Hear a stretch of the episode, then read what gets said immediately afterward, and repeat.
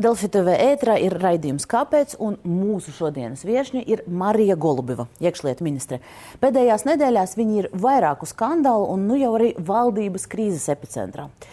Policijas nespēja 9. un 10. maijā apturēt kara slavināšanu ir rezultējusies ar Nacionālas apvienības ultimātu. Vai nu Golubiva pamet savu amatu, vai nu Nacionālā apvienība izstājās no valdības. Ko uz šo saka pati ministre, kura līdz šim, kopš 10. maija, plašas intervijas medijiem nav sniegusi un lielākoties klusējusi? Tūlīt uzzināsim.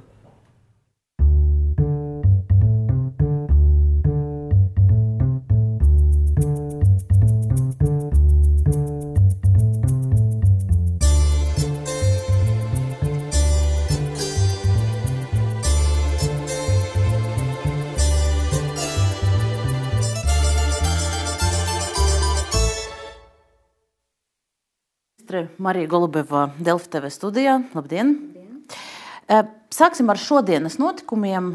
Vecrīgā gaidāmi divi iespējams pasākumi. Vakarā hokeja spēle. Cik pārliecināti jūs šobrīd esat, ka nu, neizcelsies nekontrolēti protesti? Es esmu runājusi no rīta gan ar policiju, gan ar valsts drošības dienestu. Mums bija kopīga sanāksme. Uh, Policijai ir skaidrs plāns, kā, ne, kā neļaut pulcēties savstarpēji konfrontācijai noskaņotiem cilvēkiem vienu vietu, un kā vispār neļaut nesankcionētu, respektīvi Rīgas domas neatļautu pasākumu pie Rīgas domas ēkas. Es ļoti ceru, ka policija arī turēsies pie šī plāna, bet es arī pati plānoju no pustrījiem būt policijas operatīvas vadības centrā un arī uh, tā teikt, sekot reālajā laikā tam, kas notiek, un attiecīgi ar policiju koordinēties. Vai ir zināms kaut kas par iespējamiem provokatoriem, vai jau ir kaut kādas aizturēšanas notikušas? No nu, aizturēšanas ir notikušas gan 9, gan 10, gan 11. maijā. Bet sakarā tieši ar 13. Sakarā tieši ar 13. ir bijis dienestu darbs ar dažiem, tā teikt, biežāk agrāk aktīviem teiksim, tā, dažādu radikālu darbību līderiem. Bet nevar teikt, ka tikai no viņiem mēs šoreiz varam gaidīt aktivitāti. Mēs redzam, ka ir maza, bet ļoti aktīva sabiedrības daļa, kas pauž atbalstu Krievijai. Un ir arī diezgan daudz cilvēku, kas jūtas aizvainoti ar to un kas aktīvi tagad protestē un arī ir gatavi iet un to konfrontāciju paust. Sociālo mediju monitorings uh, liecina par, par, par saspīlējumu, vai, vai to arī jūs esat ietvēruši savā analīzē? Bez šaubām, jā. Divos plānota Rīgas domes sēde ārkārtas, kur tiks lemts par uh, pārdaugavas pieminekļa nojaukšanu, uh, sekojot līdzi vakardienas saimnes lēmumam, kurš atļauj to darīt. Uh, vai Jūsuprāt, šis varētu eskalēt situāciju? Es ļoti ceru, ka Rīgas doma pieņemot šo lēmumu par tieši šo sēdi šodien ir analizējusi riskus. Es neesmu dzirdējis, ka viņi būtu vērsušies pie drošības dienestiem pēc risku analīzes, bet es ceru, ka viņi vismaz paši tad ir veikuši risku analīzi. Bet, protams, ka ne ministrs, neviens cits nevar norādīt Rīgas domai, kādu tieši viņiem rīkot komitejas sēdes. Jūsu partijas apvienības biedri ir koalīcijā Rīgas domē. Vai jūs mēģinājāt tad varbūt caur viņiem šo situāciju ietekmēt? Jo es saprotu, ka jūs arī uzskatāt, ka nu, šī ir potenciāli problemātiska sēde. Es zinu, ka vismaz viena no manām partijas biedriem bija pret to, lai šodien rīkotu šo komitejas sēdi, bet nu, vairākums tā lēma.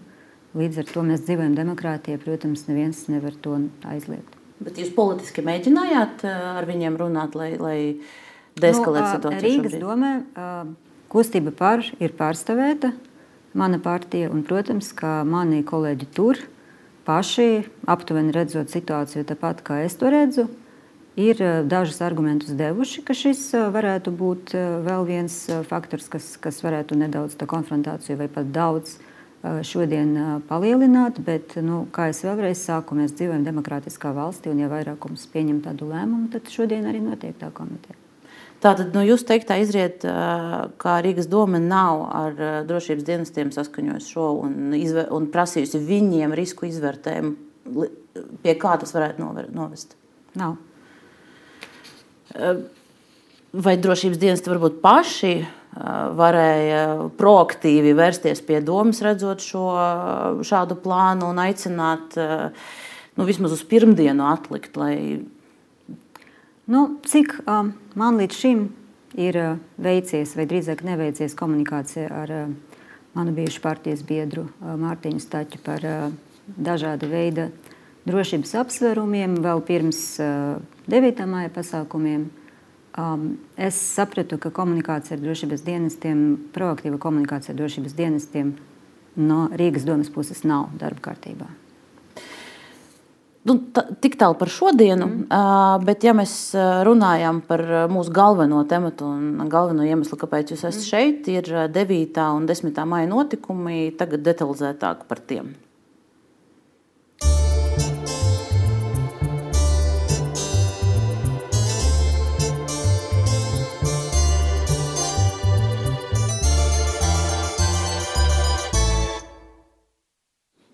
Pirms tam gan jāpiemina to, tos politiskos notikumus, kurus 9. maija ir izraisījis. Nacionāla apvienība ir izvirzījusi ultimātu, vai nu jūs demisionējiet, dēļ tā kā izskatījās pie pieminiekļa Pārdagovā 10. maijā lietas, vai nu viņi atsauc savus ministrus. Vai jūsu plānos ir atkāpties no amata? Manas plānos noteikti nav atkāpties no amata vismaz līdz sarunai ar premjeru un arī līdz sarunai starp manu apvienību un premjeru politisko spēku. Respektīvi, tikai pēc, tikai pēc tam es redzēšu, vai, vai ir kaut kāds racionāls apsvērums, teiksim, tā valstisks apsvērums, jo šis jau nav par Marijas Golubevas politisko likteni. Šis ir par stabilitāti valstī brīdī, kad reģions ir ļoti nestabils. Un var, protams, uzskatīt, ka tam nav nekāda sakara. Mēs esam Latvijā, bet, bet karš ir Ukrainā, bet tā īsti nav. Un mēs zinām, ka, protams, ka Kremlim ir liela dāvana jebkura politiska nestabilitāte. Man ir ļoti žēl, ka koalīcijas partneri ir izvēlējušies tieši šo brīdi, lai sāktu savu priekšvēlēšanu kampaņu. Es domāju par Nacionālo apvienību šajā gadījumā.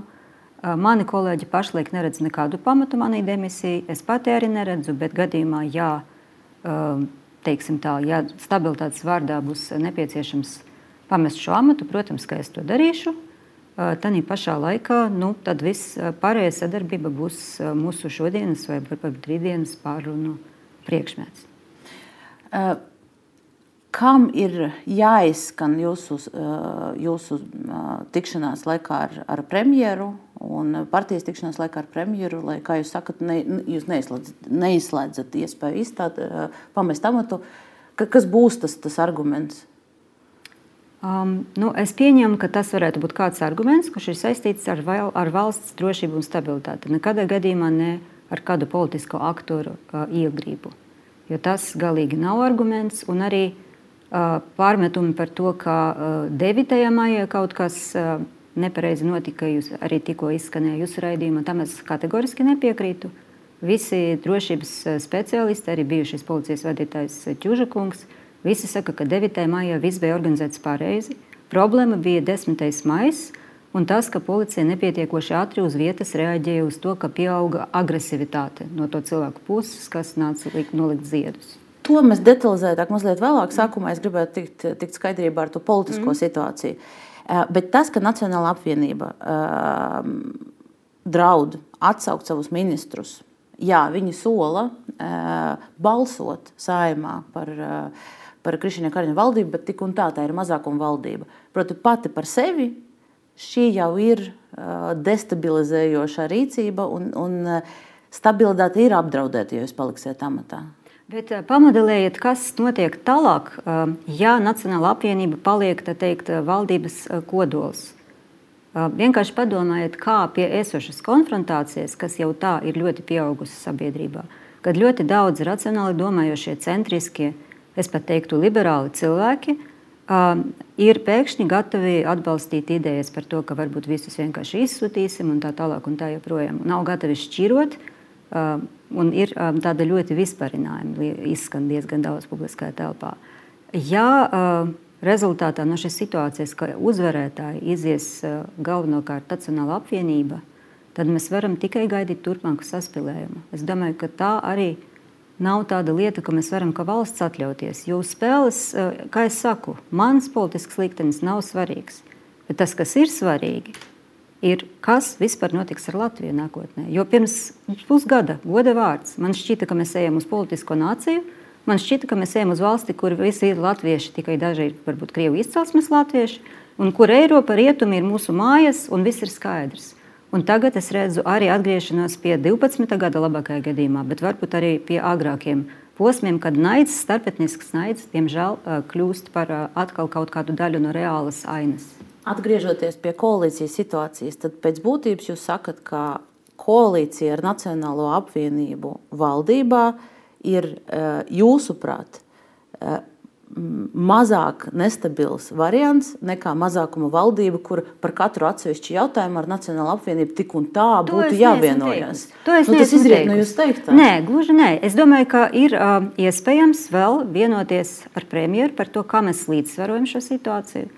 Lai arī, uh, ja, lai arī turpmāk valdībā liberāļi turpina līdzsvarot uh, tādus uh, vairāk, teiksim, tā labi noskaņotus uh, nacionālus kolēģus. Un šis līdzsvars arī uh, stabilizēs valsti kā tādu. Nu, kā šajā gadījumā var līdzsvarot, ja Nacionāla apvienība izstājas? Tad diez vai viņi atkāpsies no šī. Šis bija diezgan stingrs paziņojums. Tas nozīmē, ka jāicina uz uh, šiem mēnešiem līdz vēlēšanām alternatīvas partneris valdībā. Un, nu, loģiski domāju, tas būtu. Ka, tā, tā būtu vairs ne, ne tik ļoti savienība, bet uh, zaļie un zemnieki atsevišķi. Es šaubos. Es domāju, ka uh, ir iespējams atrast vairākus kompromisus, un es uh, ticu arī premjera ne tikai veseliem sapratam, bet arī spēja saskatīt šo uh, lielu valstisko perspektīvu. Un es domāju, ka, ja atšķirībā no Nacionālās apvienības mēs visi pārējie aizrausimies ne tik daudz elektorālam, elektorāliem apsvērumiem, ja vēlēšanu apsvērumiem, bet vairāk ar, ar to, kā mums saglabāt valsts virzību un, un valsts spēju palikt stabili rietumu telpā un netikt apdraudēt, netikt apdraudētai ne no ārpuses, ne no iekšpuses, mēs atradīsim kopīgo risinājumu. Un vai tas būs risinājums ārā vai bez manis ministra amatā, tas tiešām nav pats svarīgākais šajā gadījumā. Vai Bet jūs tas, redzat? ko es negribu pieņemt, ir, ka man jāatkāpjas tāpēc, ka tā ir iekšlietu vaina, ka nu, viss notika slikti eh, sakarā ar 9. maija svinēšanu, jo tā ir, es domāju, integrācijas politikas trūkuma vaina, Un eh, dažas atsevišķas eh, kļūdas no policijas puses nav pietiekoši pamats, lai iekšlietu ministrs atkāptos. Tad jūs par, par tām iekšlietu struktūras vainām drusku vēl, vēl pēc pāris minūtēm, bet tad, tad es īsti līdz galam varbūt nesaprotu, kas ir tas. Jūs, jūs no vienas puses sakat, ka mm, esat gatavi atkāpties stabilitātes labad. No otras puses, ka nu, jūsu un sistēmas vainas pie 10. maijā notikušā nav. Tad kas ir tas, kas. kas un, un arī dēļ Nacionālās apvienības šī te, teiksim, tā, viņu daudzi politi, da, daži politologi to sauc par, par tādu šantāžu vai ultimātu. Tad kas ir tas?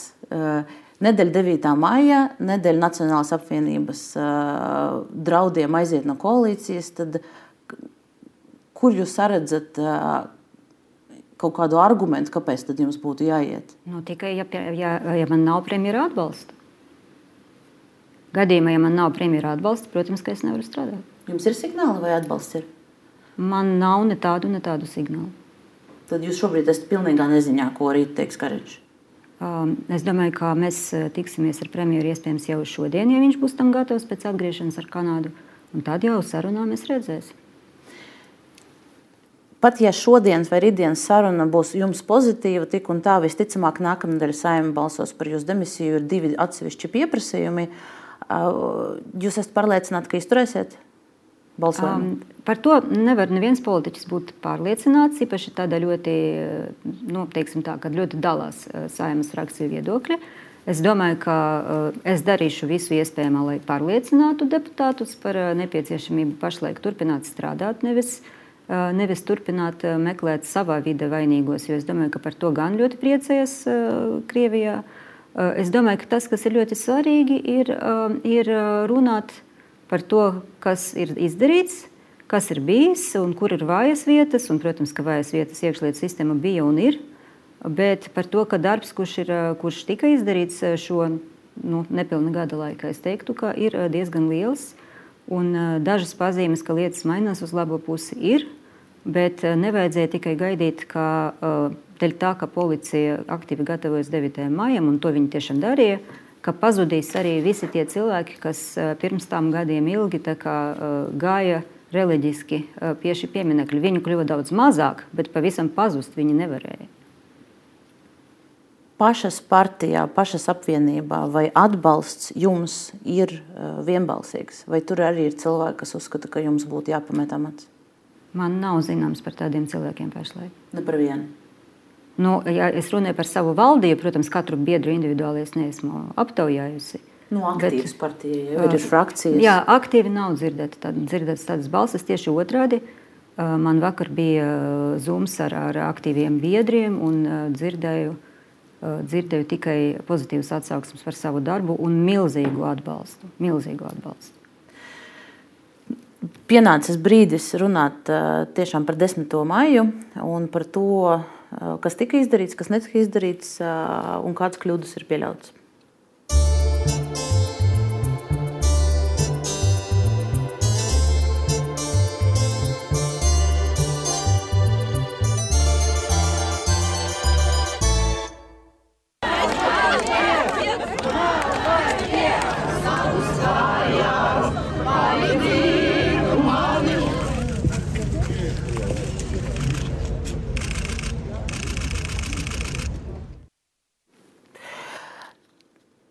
Tas, ko mēs redzējām, vai jūsu darbs, jūsuprāt, bija pietiekams gatavojoties šiem notikumiem, vai jūs esat apmierināta ar savu darbu? Ar 9. maija pasākumu plānu un izpildi kopumā jā. Protams, vienmēr kaut ko var izdarīt labāk, bet 9. maija plāns nostrādāja tādā ziņā, ka cilvēki, kas nāca ar Krievijas karogiem vai kaut kāda veida slavēja Krievijas agresiju, tika aizturēti vai arī viņiem tika palūgts šos simbolus uzreiz teikt, novākt, un viņi to arī darīja, vai nu pēc tam viņiem tika sastādīta administratīva lieta. Kas attiecas uz 10. maiju, protams, ir interesanti, ka nu, neviens, neviens no dienestiem neparedzēja no savas analīzes, ka kaut kas izņemot varbūt tādu nu, salīdzinoši neaktīvu ziedu nolikšanas turpinājumu, nevarēja notikt 10. maijā. Es, es ja, ja jā, atļausiet, es jā. pie šīs, pie šīs daļas uzreiz jūs pārtraukšu, jo vai tiešām, kā, un kā tas bija iespējams, jo pat mēs, žurnālisti, vērojot sociālo tiklu aktivitāti, redzējām, ka ir ka tie aicinājumi nākt un atkārtot. Jā, tie bija 10. maijā. Jā. Tie bija tie par, tie, tādi jau, protams, visi dienesti, visi to redzēja. Es arī to redzēju. Bet tas bija jau 10. maija. Tas, ko es gribēju teikt, ka pirms tam, pirms 9. maija, nebija nekādu indikāciju, ka 10. maijā kāds plāno kaut ko darīt. Tas bija rezultāts tam, ka cilvēki ieraudzīja no rīta to sociālos tīklos, to, to, to slaveno traktoru, Un eh, tad Roslikovs, Baraņņiks un daži citi saka savu aktivitāti, saucot cilvēkus atkal demonstrēt savu nostāju pie pieminekļa. Un te jautājums, vai Roslikovs, Baraņņiks un citi uh, nesēdēja un negaidīja jebkādu pamudinājumu, jebkādu kripetiņu, uh, nu, uh, kaut kādu destabilizācijas, situācijas destabilizēšanai un, un gaidīja, ko viņi var izmantot. Jo ne jau dēļ traktora tas ir noticis. Tas ir noticis tāpēc, ka šie iespējamie provokatori gaidīja, ko tad viņi var izmantot, lai, lai, lai situācija eskalētu.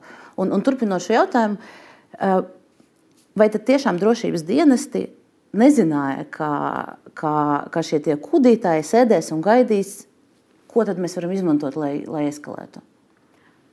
Tādu konkrētu brīdinājumu par to, ka tieši uh, kāds no tādiem usual aspektiem, jeb tiem, kas bieži cenšas meklēt kādu iegānstu, piemēram, Rostliko kungs, un kaut ko uh, sākt organizēt, attiecībā uz, uh, uz uh, 9. māja teikt, uh, sēkām nebija. Jo tika uzskatīts, ka 9. maija ir 9. maija. Tur viss vai nu izdodas, vai nu neizdodas. Drošības dienestiem un policijai noturēt kārtību, kas izdevās. Tur viss notika pēc plāna. Jo pati par sevi ziedu nolikšana individuāla, par ko ļoti bija nelaimīgi cilvēki sociālajos tīklos, jāatzīst, ka tur nebija nekāda likumīga pamata to ierobežot. Bet visi pārējie, jebkuri likumā pārkāpumi tika ierobežoti, cilvēki tika sodīti. 10. maija bija ļoti svarīga šī secība, ka sākumā bija uh, tie sociālo tīklu kadri ar traktoru.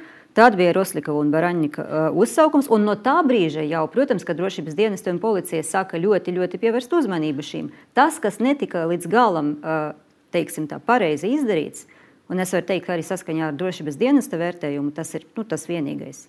Tas ir policijas reakcijas intensitāte tajā brīdī, kad no ziedu nolikšanas uh, šie cilvēki pārgāja pie aktīvākām darbībām, kas bija saistītas ar necieņas izradīšanu Latvijas valstiskumam, tur nirgašanās par izstādi un tā tālāk. Par to mazliet vēlāk, bet drusku vēl par, es gribēju saprast par to gatavošanos 10. Mm -hmm. maijam.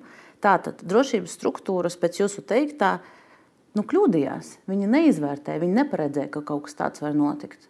Un jautājums... teiktu, tā bija drīzāk tas, ka policijā nepastāv tāds algoritms netipiskām situācijām ka ir jāizvērtē ļoti dziļi sabiedriska viedokļa rezonanses konteksts. Nu, respektīvi, šajā situācijā tas nebūtu jādara, ņemot vērā domāju, ka šis būtu jādara. Šī ir galvenā mācība policijai vispār no šīs situācijas. Un tas ir par ko mēs runājam šodien no rīta, un kas arī parādīsies iekšlietu ministrijas ziņojumā premjeram par šo visu situāciju ka tas, ka policijai nebija algoritma specifiskām situācijām, kad it kā viss ir mierīgi, neliela cilvēku grupa, jo no kāda 1010. maija nepulcējas līdz 300 cilvēkiem, bet ļoti liela sabiedriska rezonance. Un šo rezonances potenciālu, to faktoru, ka tādu izvērtēt un savu algoritmu policijas darbībā ielikt, tas nebija līdz šim paredzēts policijas darbības algoritmos. Vai jūs uzskatāt, ka kļūda ir, ka arī uz 10. maiju vai uz kaut kādu 9. maija turpinājumu potenciālu nebija izstrādāts plāns ar nu, tādiem rīcības scenārijiem? Lūk, ja nekas nenotiek, tad mēs neko nedaram. Ja notiek kaut kas, tad darām to un tā tālāk. Jo uh, policijas priekšnieks Rukakungs ir atklāti vakar uh, Latvijas rādio teicis, ka nu, plānu uz 10. maiju nebija. Jā, bet uz katru dienu, katru dienu, protams, policija plānu neraksta. Bet ir bet operatīvas, ne, bet, nu, lūdzu, ļaujiet man pabeigt. Ir operatīvas koordinācijas, ir tāds birojs, kuram jākoordinē operatīva situācija valstī katru dienu. Ne tikai dienas, kad notiek īpaši notikumi. Vienkārši šajā gadījumā kaut kas nenostrādāja, ka tas birojs saulēcīgi nepadeva signālu policistam pie pieminiekļa, kā nu, ņemot vērā šo intensitāti sociālos tīklos. Tas, ka jūs tur esat vairāk nekā parasti, ir labi, bet ar to varbūt nepietiek. Varbūt jums arī kāds algoritms cits jāpielieto. Tas nav bijis, jo tas, ka tur bija vairāk policistu nekā parasti, tas jau no paša rīta tā bija. Bet ar to redz nepietiek. Un Ruka kungs ļoti pareizi norada, ka nu, faktiski jau bija konkrēti cilvēki, kas komandēja tur uz vietas, kas pieļāva kļūdu, kas nepietiekoši ātri reaģēja. Tas ir viens. Un otrs, nu, tas reakcijas ātrums. Es pati koordinējos ar Ruka kungu aptuveni no 6 vakarā līdz, līdz vēlēji naktī tajā vakarā, uh, telefoniski un sarakstoties. Uh, Un, um, tas, ka mēs ar viņu vienojamies, ka nu, tagad jārīkojas ātrāk, tagad jārīkojas izlēmīgāk, tagad jāaicina izklīst un tā tālāk. Tas viss tika izpildīts ar ļoti būtisku nokavējumu. Es arī par to apdeitoju visu laiku savus kolēģus ministru kabineta čatā, nu jau vēlāk, nāk, tā kā vakarā, naktī. Bet, diemžēl, jāatzīst, ka tās lietas netika izpildītas ātri. Cikos mobilizēja policija? Varat pateikt, tajā desmitajā vakarā? Nu, policija mobilizēja visu laiku. Sākumā mobilizēja papildus ekipāžas, kas ir. Bet, bet cikos tas galvenais lūgums, ka lūk, nu, sākumā mobilizēja, mobilizēja Zemgales priekšpilsētas ekipāžas, papildus nosūtīja pie pieminiekļa. Tas ap pieciem, sešiem, kad sāka sociālos nākt tās bildes ar cilvēkiem, kas tur aktīvi, tā teikt, un, un val, ne, tā kā izrada necieņu pret valsts. Tas ir pa vēlu, vai ne? Nu, kā lai sāka? Līdz pieciem cilvēki tikai gāja ar ziediem. Tur līdz pieciem nebija tāda incidenta tas dienas notikumos jūs redzat uh, savas personiskas, kā ministras kļūdas? Kaut ko, ko jūs tagad, skatoties, būtu darījusi citādāk? Jā, komunikācijā sociālajos tīklos vajadzēja būt aktīvākai. Man vajadzēja katru soli, ko mēs darām ar Ruka kungu, par ko mēs koordinējamies. Pirmkārt, ko es domāju par šīm izdarībām pie pieminiekļa, otrkārt, kā mēs ar policijas priekšnieku tagad aktīvi plānojam nākošas darbības, lai šo apturētu. To man vajadzēja uzreiz komunicēt sociālajos tīklos, nevis nogaidīt, kamēr būs kaut kādi rezultāti, un kā mēs zinām, ar rezultātiem nācas gaidīt līdz vēlējiem vakaram. Uh, Tā, tā ir bieža atbilde, kad politiķiem vai ministriem prasa par, par, par kļūdām. Tad bieži vien saka, jā, nu, ka vajadzēja labāk komunicēt mūsu darbības, bet kas attiecas uz, reāli, kas attiec uz darbu. Problēma jau bija rezonance, ka cilvēkiem bija iespējas, ka tur ārdas tūkstoši. Un to varbūt caur komunikāciju tiešām varēja novērst. Nu, problēma bija arī šī uh, pavēļu neizpilde.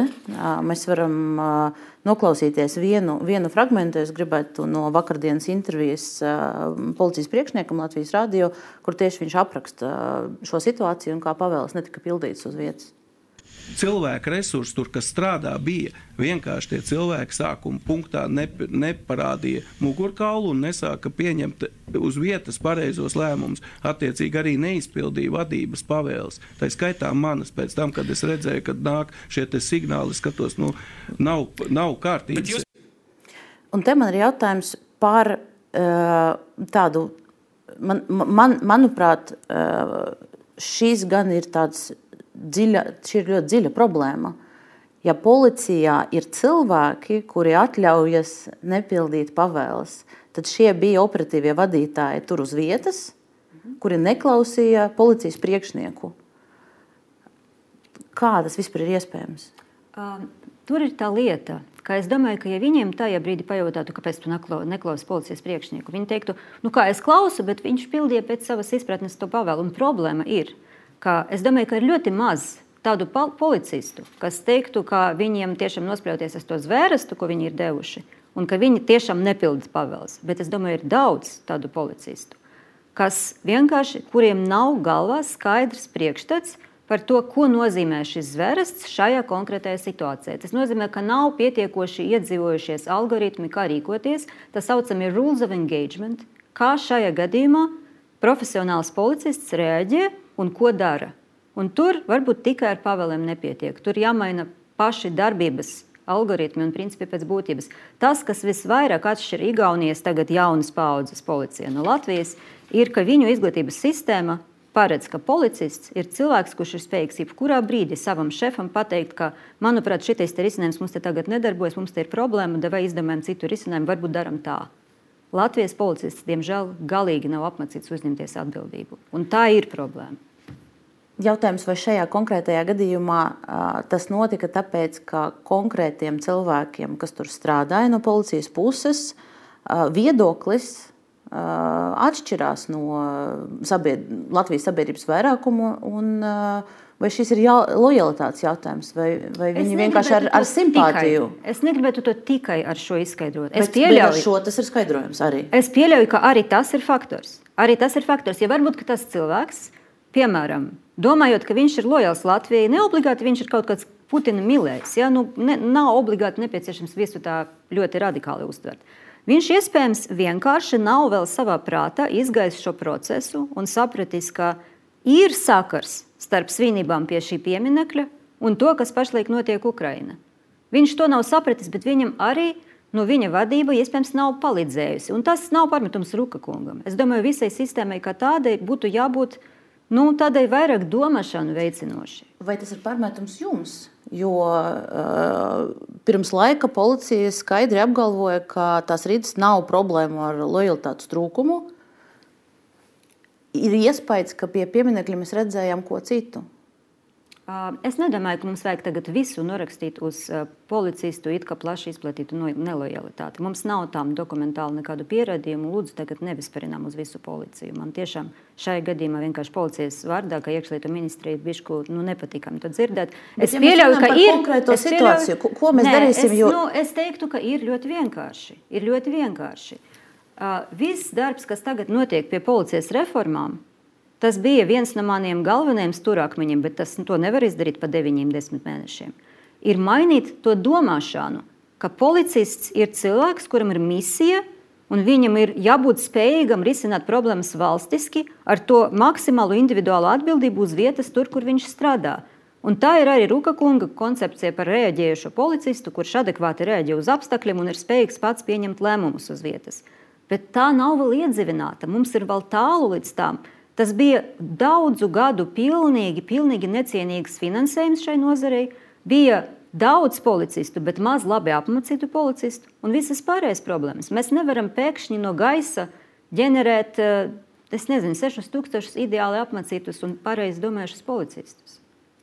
Bet ko uh, jūs, kā iekšlietu ministrs, šobrīd plānojat darīt, zinot, ka neviens jau nesaka, ka tā ir visa policija nevienā brīdī, bet ka iespējams daļa no uh, mūsu drošības sargiem uh, nu, neredz karu Ukrajinā kā nu, tikpat nopietnu problēmu, kā, kāda tā ir. Ko jūs tagad darīsiet ar, šo, ar, ar, ar šīm zināšanām? Jā, ar šīm zināšanām, manuprāt, vispirms mums ir jāreformē izglītības sistēma policija, ko es jau esmu sakusi darīt, un ko, ja man ļautu strādāt, es noteikti turpināšu darīt. Tas ir, tas ir, tas ir perspektīvā, bet tagad šī problēma kaut kādā ziņā eksistē tagad ar konkrētiem cilvēkiem. Jā, un, bet risinājums nebūtu kā padomju laikos ieviest politrūkus. Ja? Risinājums būtu vairāk skaidrojošs darbs policijā.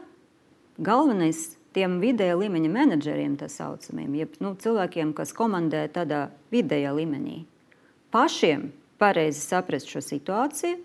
Attiecīgi, policijas vadībai jāstrādā ar viņiem, viņiem jāstrādā ar savu sastāvu.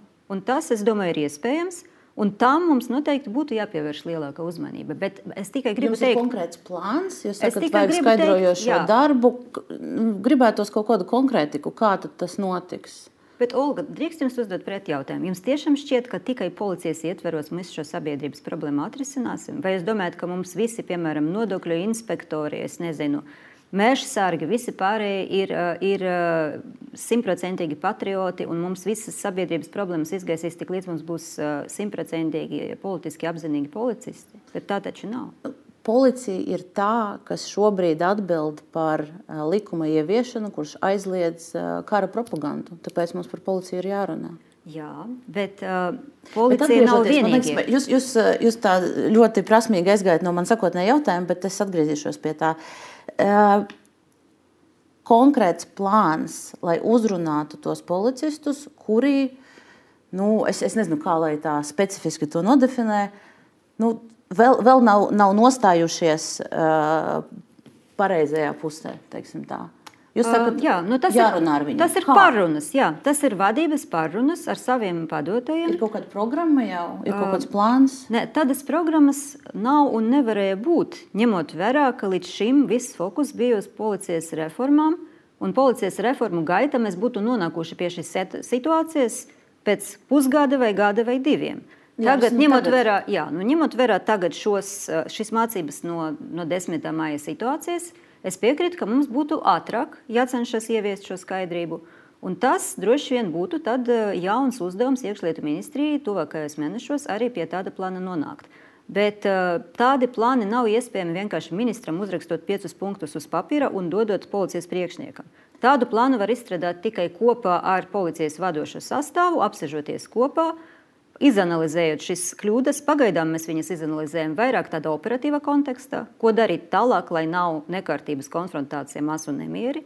Tas ir primārais uzdevums, un to es vakar un šodien darīju. Tālāk mēs varam runāt par to tālāku uzdevumu. Jautājums, vai e, jau tajā brīdī, kad sākās karš, un mēs redzējām, ka Latvijas sabiedrība nav vienotā savā izpratnē par to, attiecīgi arī drošības struktūrās, kā jau sabiedrības atspulgs, nav vienotības ir, ir daļa, kas, kas pārstāv to sabiedrības daļu, kas, kas nu, teiksim, tā, simpatizē Kremlim. Vai jau tāda februāra beigās iekšlietu ministrijai nevajadzēja proaktīvi rīkoties un domāt, ok, labi. Visur, visā Latvijas sabiedrībā ir cilvēki, kas simpatizē Kremlim un neredz karu kā problēmu. Acīm redzami, arī pie mums policija ir tāda cilvēka. Ko mēs darām? Bet, uh, es esmu rīkojusies. Kā?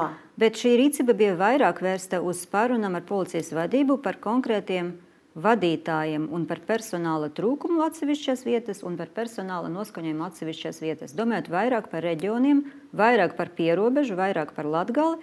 Un tur bija konkrētas sarunas par to, kas mums kur Kādas ir vājas vietas, man bija arī drošības dienestu analīzes attiecīgas, un tas bija mūsu saruna priekšmets arī pirms 9. maija ar policijas priekšnieku. Es domāju, ka diezgan liels, liels darbs ir izdarīts pa to laiku. Piemēram, ja jūs pamanījat, varbūt Daugopīli, neskatoties uz to, ka diezgan nu, aktivisti tur ir tādi prokrieviski noskaņoti un arī nu, kopumā iedzīvotāju simpātijas arī dalās. Bet uh, tur viss noritēja ļoti labi, bez jebkādiem incidentiem, un tā daļai bija arī po policijas nopelns, tā skaitā uh, nosūtot arī no citiem reģioniem, piemēram, policistus. Tas viss, tas viss nebija nejauši, nekas nav nejauši. Bet, ja es pareizi saklausīju, tad tā saruna un tā analīze bija pirms 9. maija, nevis kara sākumā. Nu, aprīlis, eh, maija sākums, jā, tas bija tas laiks, kad mēs pamazām, pamazām sākam, bija sākuma vajadzēja analīzi no drošības dienestiem, kāda mums situācija ir. Tad mēs runājam ar policijas priekšnieku, ko mēs varam darīt, lai šo situāciju labotu. Tas viss prasa laiku. Tas nenotiek tā, kā nu, es šodien gribu ideālus datus, un rīt es gribu ideālu risinājumu. Tādiem žēl valsts pārvaldē nenotiek. Bet kad jūs to analīzi pasūtījāt? Kurā brīdī? Cik ātri? Nu, tā analīze līdz manim nonāca kaut kur aprīļa pirmajā pusē. Kad jūs pasūtījāt to analīzi? Es tagad precīzi datumus nepateikšu, bet mēs bijām kontaktā par šiem jautājumiem visu laiku no kara sākuma. Vienkārši ir arī citi jautājumi, piemēram, infrastruktūra, iekšlietu, kas, kas bija jārisina vēl ātrāk. Es tagad nevaru iet detaļās, bet nu, ticiet man, nav vienīgais policijas noskaņojums un, un lojalitāte. Diemžēl nav vienīgais jautājums, ar kuru jāstrādā iekšlietu ministram.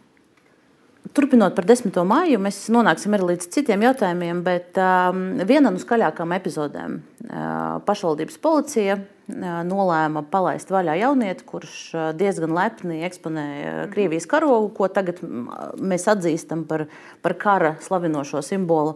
Un mēs varam noskatīties fragmentu, kā risinājās šī situācija. Lūdzu. Tas neslaveno. Jūs arī, tā kā jūs. Tas ir karoks. Tas nav simbols, tas ir karoks. Tiešām valsts. Ar karogu atvainojās un iet prom. Meitiet par rāciju, ka tikko saka. Jā. Tas ir mums kārtībā. Man jāieviet. Marek nav jautājumu. Nav jautājumu. Paldies, dargie kungi. Visu labu. Uzklausījāt veiksmīgi.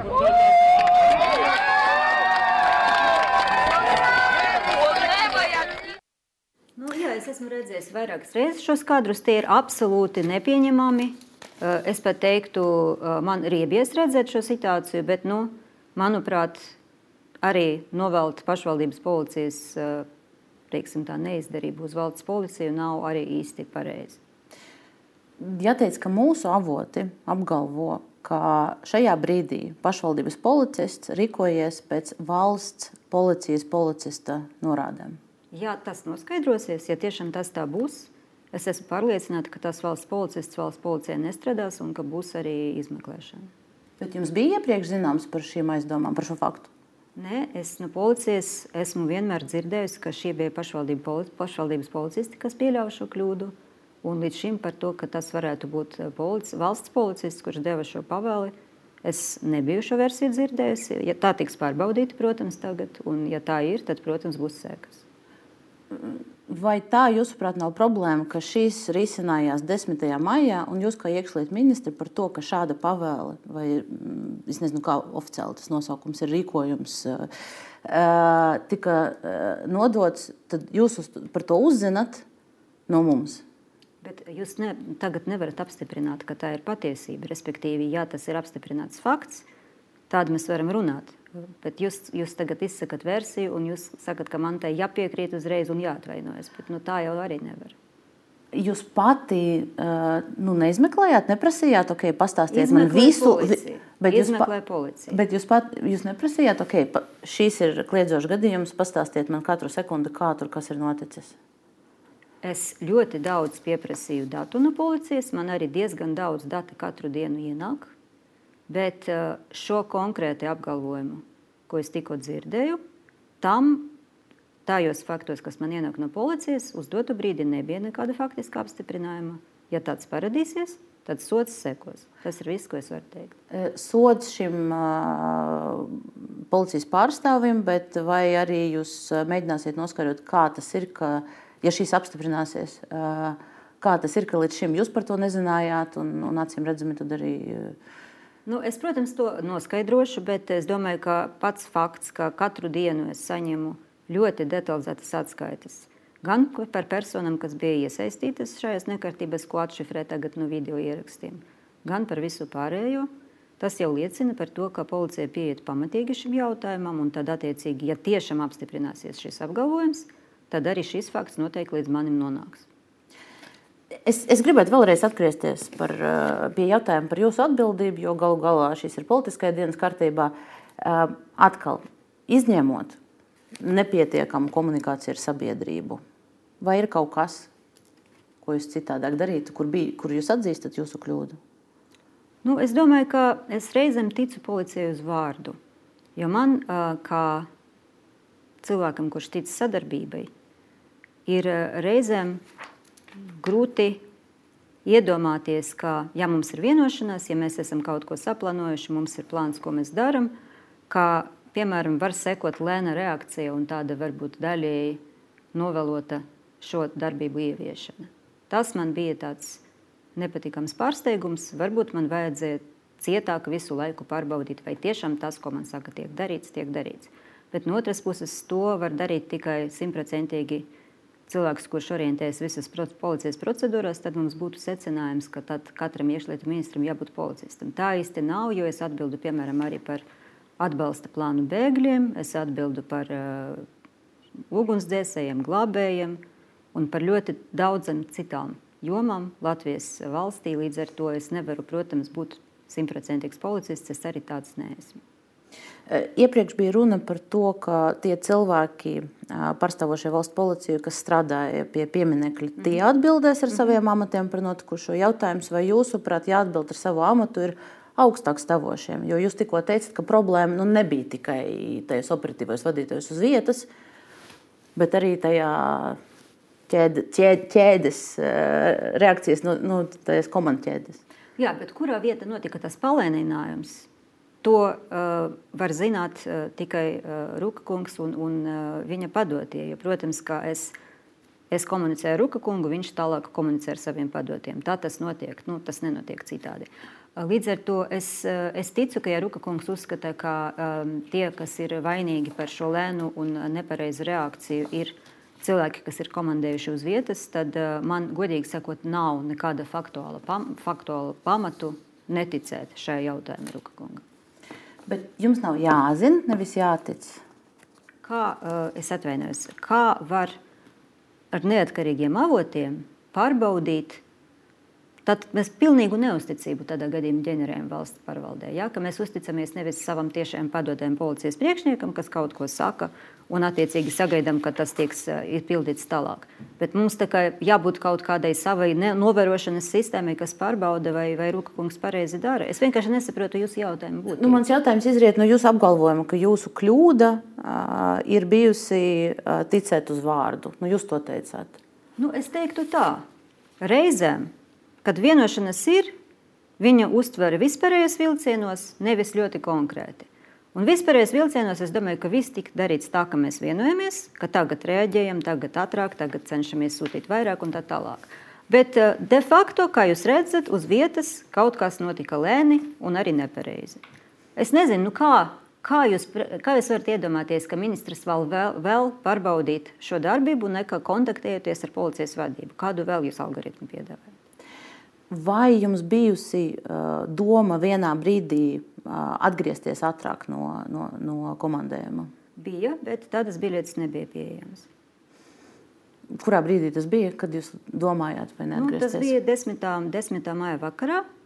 Es saku analizēt, vai es nevarētu, piemēram, būt Rīgā jau no rīta, bet tādas iespējas nebija no rīta, kad. Uh... Nu, 11. Jā, jo es, es no rīta 10. es tikai aizlidoju. 9. protams, es biju uz vietas, jo visi gatavojas 9. maijam. Es arī gatavojos, es arī biju operatīvajā centra 9. maijā.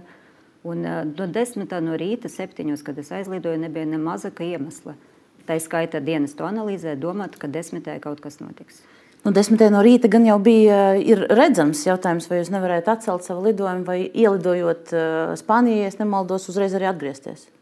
Nu, tajā brīdī jau tas loģistiski būtu bijis ļoti grūti, bet signāli par to, ka kaut kas, kas notiek, ir vairāk par vienkārši ziedu nolikšanu. Es atgādināšu, šie signāli sāka nākt ap pieciem vakarā pēc Rīgas laika. Te jautājums, te mums gan atkal jāatgriežas pie, pie plānošanas, jo, jo nu, pie šīs situācijas uh, izstrādāt scenāriju, kā vienkārši ziedu nolikšana pie šīs uh, sakapinātības uh, sabiedrībā var, var izvērsties par kaut ko vairāk, nu, to varēja. To varēja, to varēja policija, bet arī tikai pēc tam, kad sākas kustība sociālajos tīklos. Un to tad policija arī darīja. Šo... Es vienkārši, es, nu, jūs tagad mēģināt radīt tādu totālas nekompetences ainu, bet es gribu jums teikt, ka, nu, piemēram, drošības dienas izvērtējot policijas darbu šajās dienās, daudz kļūdu tur neredz. Jau ir ziņojums. Jā. Līdz ar to es domāju, ka mums jābūt nu, pietiekoši objektīviem, ka mūsu teiksim, tā sakaitinātas latviešu publikas reakcija, arī mana tā skaita, arī man nepatīk tas, ko es redzēju pie pieminiekļa 10. maijā ka varbūt tomēr tā nav simtprocentīgi objektīva patiesība par policijas darbu. Varbūt arī tā var paskatīties uz šo. Mēs gaidīsim policijas iekšējas pārbaudas rezultātus. Jācer, ka tie būs uh, publiski un uh, detaļās mēs zināsim, nu, tik cik. Uh... Es domāju, ka noteikti. Un es arī domāju, ka tajā brīdī jau arī policijai būtu jādara to, tie pieejami ar žurnālistiem, un tad jūs varēsiet analizēt. Nu, tad turēsim jūs pie vārda. Um, drošības situācija valstī ar 9. un 10. maiju un šodienas situāciju neierobežojas. Mums palika vēl 15 minūtes raidījumā, tad par citiem jautājumiem arī gribētu jums prasīt. Mhm.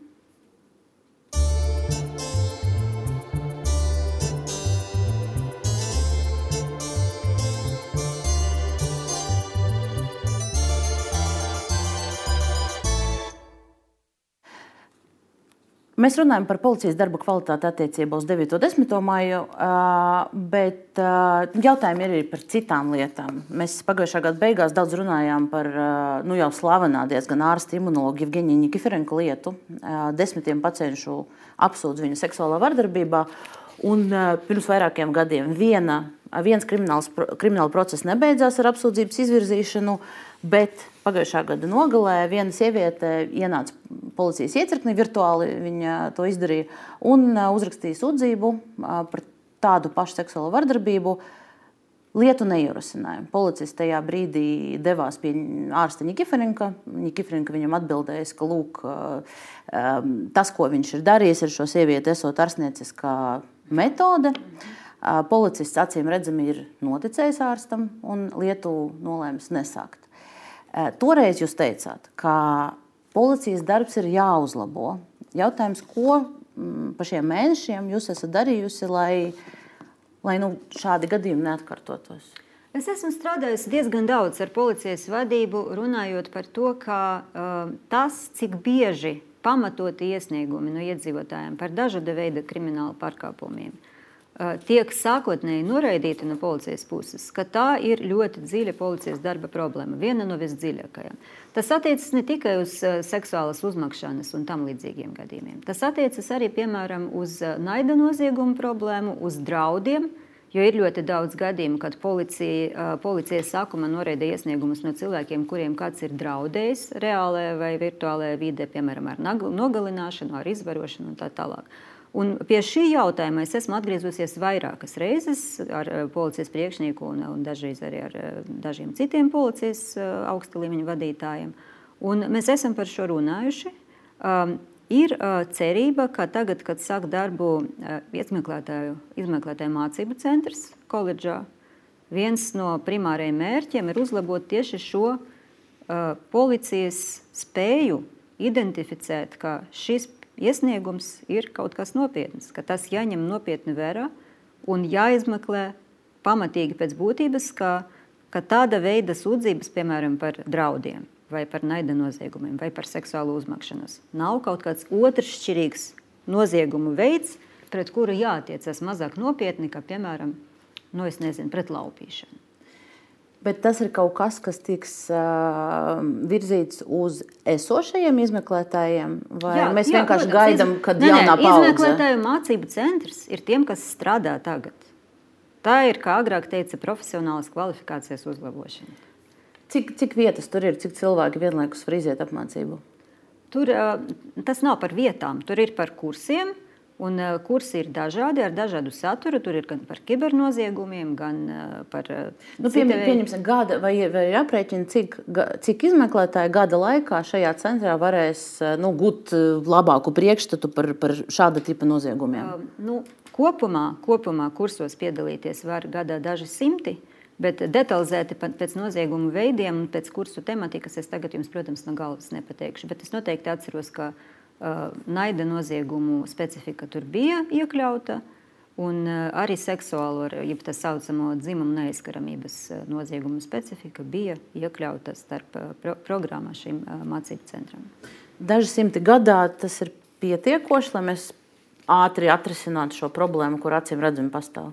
Nu, tas ir pietiekoši ātri, lai mēs ļoti nopietnu soli spērtu šīs problēmas atrisināšanai. Uh, Es domāju, ka es samelotu, ja teiktu, ka pēc gada vispār šī problēma pazudīs, bet es domāju, ka uzlabojumiem jābūt redzamiem pēc gada pilnīgi noteikti.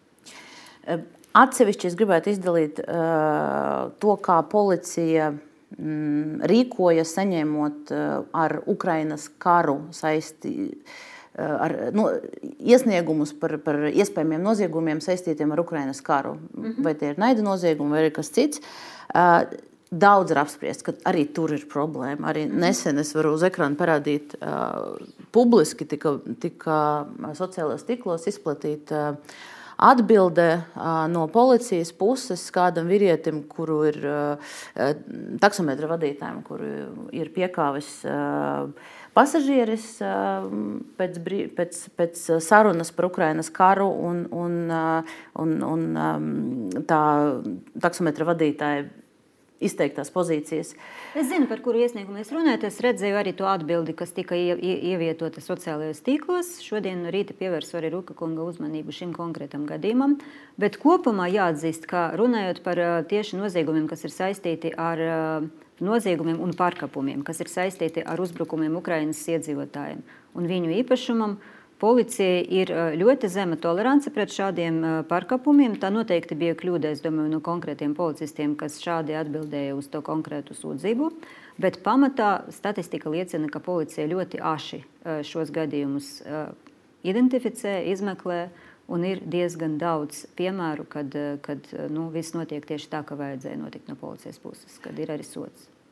Jautājums, kāpēc ir jānonāk līdz uh, līdz policijas atbildes publicēšanai sociālajos tīklos, lai mēs runātu par to, ka policija izskata, vai, vai tiešām tur bija viss pēc Jā, nu, procedūras. Es, es jums atbildēšu vēlreiz. Ļoti daudz gadu, kad uzmanība policijas darba kvalitātei un arī motivācija, lai tur ietu strādāt labāk motivētie cilvēki, bija minimāla. Ļoti ilgus gadus.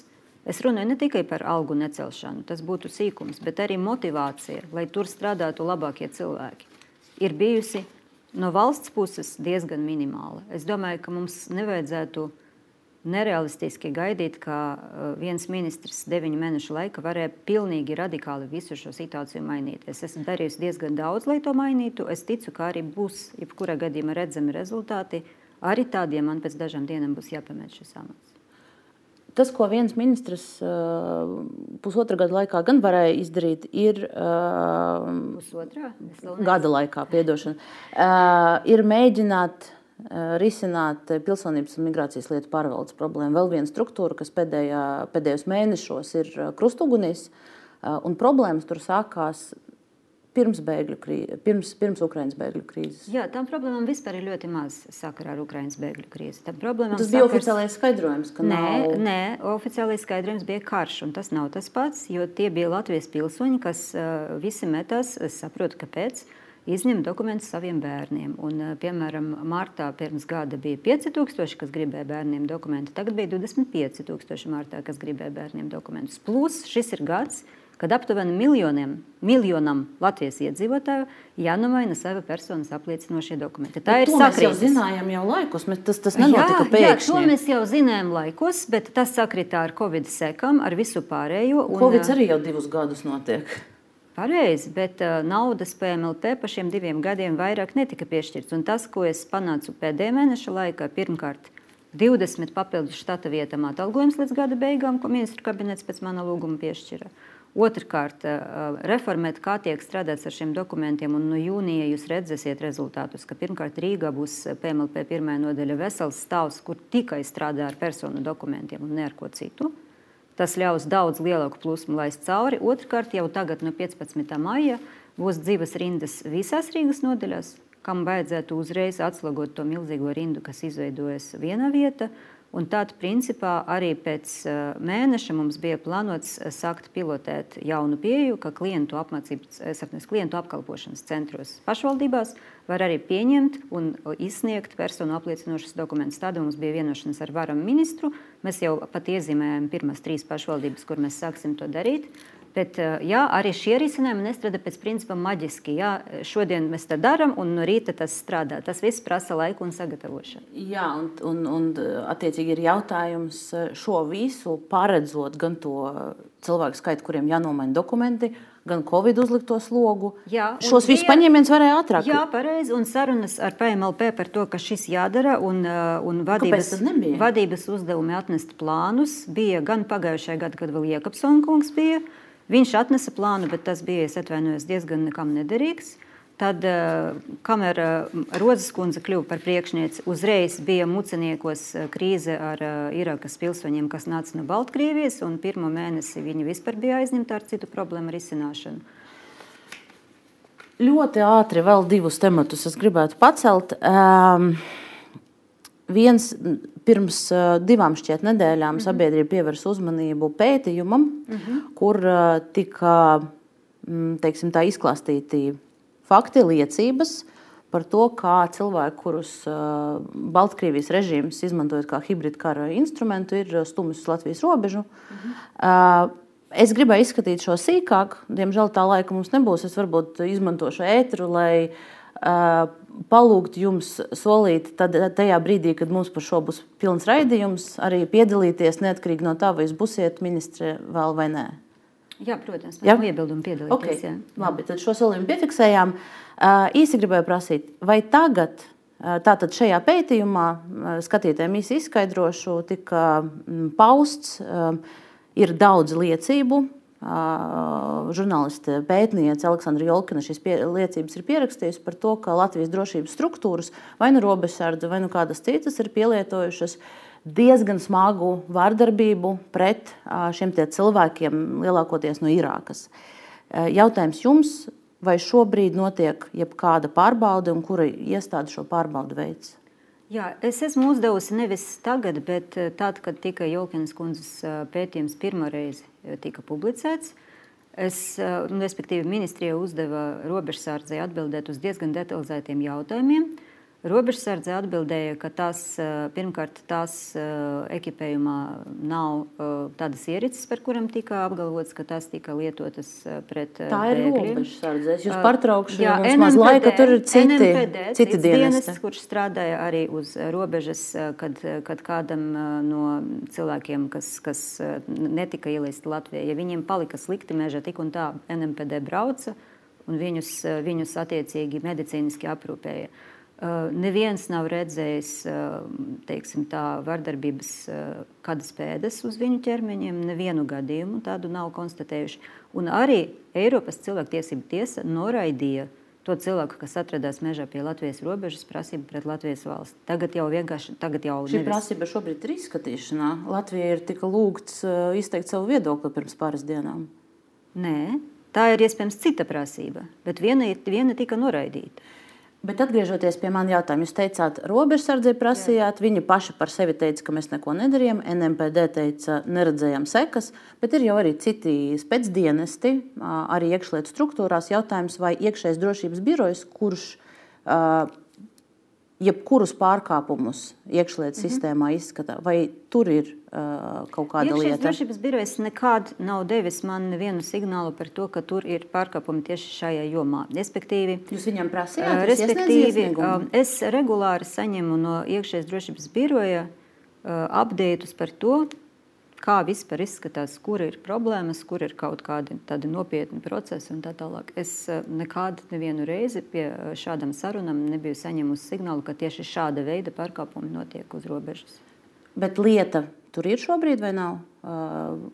Pārbaude, krimināla lieta, jebkas. Nu, iekšējais drošības birojas ierosina, ierosina savas, savas lietas, neprasot ministram un nevienmēr arī informējot ministru par to. Tā, tāda ir viņa darba specifika. Viņa ir tiešām neatkarīga institūcija. Es varu vērsties ar šādu jautājumu pie viņiem. Kāpēc jūs vēl neesat to prasījusi, ņemot vērā to, ka šīs apsūdzības ir nu, kraujošas? Tāpēc, ka es esmu sākumā vērsusies pie dienesta, kurš atbild par robežas apsardzību. Un es esmu saņēmusi diezgan detalizētu atskaiti, tā skaitā ar NMPD liecībām, par to, ka šīs, šīs liecības, par kurām jūs runājat, neapstiprinājās. Tad jūsu šobrīd teiksim, tā secinājums, tie ir meli vai kas tas ir? Es domāju, ka tie varēja būt pārspīlējumi, jo pats fakts, ka cilvēkus nelaid, neielaida Latvijas teritorijā, protams, bija. Un tas, ka varēja pielietot spēku, lai viņus atgrieztu, arī bija, jo tas bija saskaņā ar ministru kabineta lēmumu. Bet tas, ka viņi tika spīdzināti, par to nav, uh, nav nekādu faktisku apstiprinājumu. Okay, tad mēs paliekam pie jūsu šī brīža novērtējuma un mm -hmm. atkal atgriezīsimies pie šī temata tam veltītajā raidījumā. Mm -hmm. Es zinu, ka jums ir jādodas monitorēt situāciju Rīgā, bet pēdējā lieta, ko es gribēju prasīt, uh, Vēlēšanu gads, 1. oktobrī mums sagaida 14. saimnes vēlēšanas, vai jūs kandidēsiet? Pašlaik man atbilde ir, domāju, ka jā, bet viss ir atkarīgs no manas politiskas apvienības lēmuma. Es noteikti šajā gadījumā kā prioritāru izvirzu attīstībai par izredzes būt nākošajai valdības koalīcijai un ietekmēt Latvijas attīstību un nākotni ne tik daudz savu personisko politisko karjeru. Vai es pareizi saklausīju, ka jā, jums nāksies tomēr demisionēt, tad jūs nekandidēsiet? Tā es neteicu. Tā es galīgi neteicu. Ja jūs kandidēsiet vai pretendēsiet uz iekšlietu ministrijas vadību, ir izskanējis, ka jūs un Pabrika kungs būsiet divi premjeramata kandidāti. Šo es nevaru apstiprināt. Es noteikti kandidēšu uz ministra amatu. Jā, darbs saimā mani mazāk interesē. Līdz ar to, ja es kandidēšu, tad noteikti es kandidēšu uz uh, valdības samatu. Okay, paldies! Uh, iekšlietu ministra Marija Golubeva šodien bija raidījuma Kāpēc? Viešņa. Paldies jums par mums veltīto laiku. Paldies skatītājiem. Delfi TV atgriezīsies ēterā pirmdien, un tur jau būs NATO uh, ģenerālsekretāra vietniece. Sprieda ar Delfi raidījumā kā viešņa, iztaujās viņu. Paldies, paldies. visiem! Paldies! Līdz ne, tiekamies pēc nedēļas!